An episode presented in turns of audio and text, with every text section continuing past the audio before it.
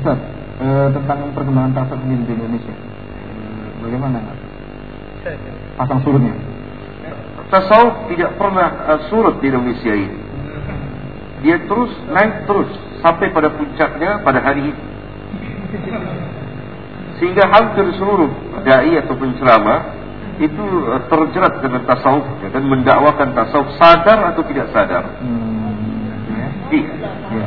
Karena itu sikap atau cara beragamanya masyarakat kita itu sangat jauh dari sunnah Rasulullah Sallallahu Alaihi Wasallam sebagian.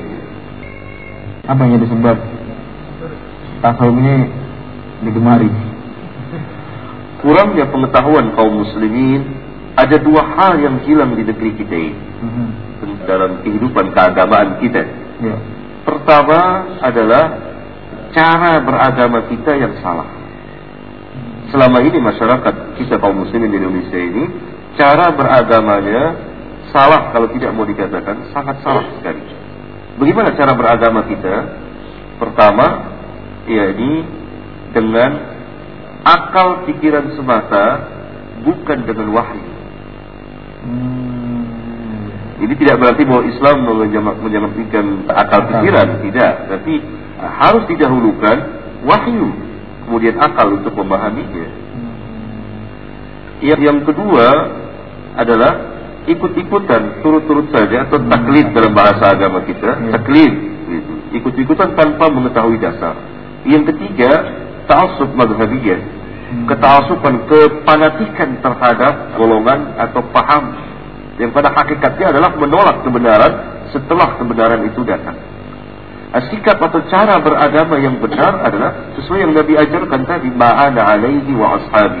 Yang aku bersama para sahabatku berada di atasnya berjalan.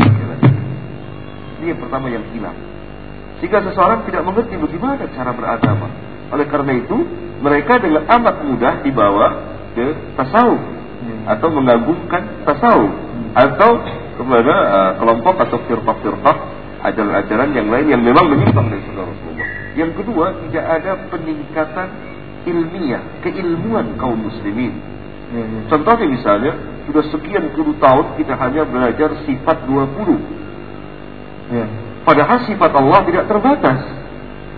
Kalau kita membuka lembaran ayat-ayat Al-Quran, mushaf, kita akan dapati berpuluh nama dan sifat Allah Subhanahu wa taala. Ya minimal Asmaul Husna itu 99 ya. Dan Itu sifat Allah semua. ya? kenapa kita belajar sifat 20? Hmm. Belum lagi yang lain. Nah, peningkatan ilmiah, keilmuan tidak tahu. Hmm. Sehingga terjerumuslah kita ke dalam lembah uh, tasawuf. Ya.